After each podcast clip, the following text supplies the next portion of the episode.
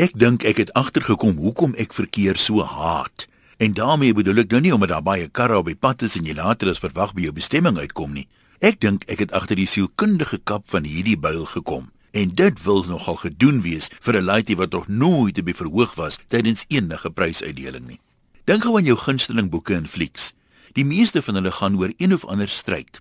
Die speurder moet die reeksmoordenaar vang voor hy nog 'n slagoffer eis, of die held of heldin veg om die liefde van iemand wat aanvanklik nie dink hy of sy is goed genoeg nie. Tydens die stryd weemel dit van terugslae en misverstande, maar hoe meer die uitdagings wat oorkom moet word, hoe meer hou ons van die storie. Dis wesentlik die stryd tussen goed en kwaad en dikwels loop dit uit op 'n laaste epiese showdown. Maar op die ou einde oorwin die goeie die bose altyd, behalwe in verkeer. Daar voor die bose is skrikbewind.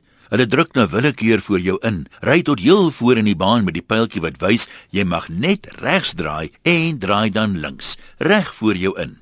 Hulle maak nooit oogkontak nie en die slap handjie wat by die venster uithang is nie 'n verkeersteken nie. Dis 'n voorbode dat hy met jou gaan chicken speel, want hy weet 'n wetsgehoorsame burger sal 'n botsing probeer vermy. En wat doen jy?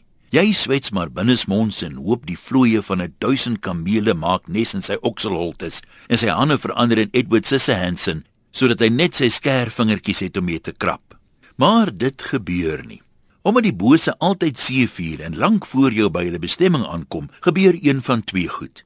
Die helfte van die regverdiges begin twyfel dat goed ooit op die paaie vir kwaad sal oorwin, en hulle begin dink aan gesegdes soos if you can't beat them, join them. Die ander helfte doen dit, raak se muur ook boelies en sus hulle gewete met as hulle dit kan doen, kan ek ook mos.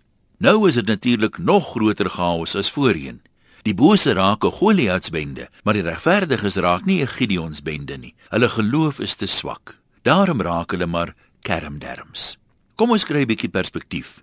Daar was destyds nie eers een regverdige in die hele Bybelse Jerusalem nie. So hoekom verwag jy dit moet anders wees in jou onheilige stad?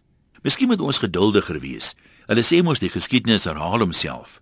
Kom ek sê jou so, Die dag as vuur en swaal eindelik hierdie padvarke verteer, gaan soek ek vir my 'n harp en 'n siter by Cash Crusaders en ek hef 'n lofsang aan. Wie is met my? Groete van oor tot oor. Antoniem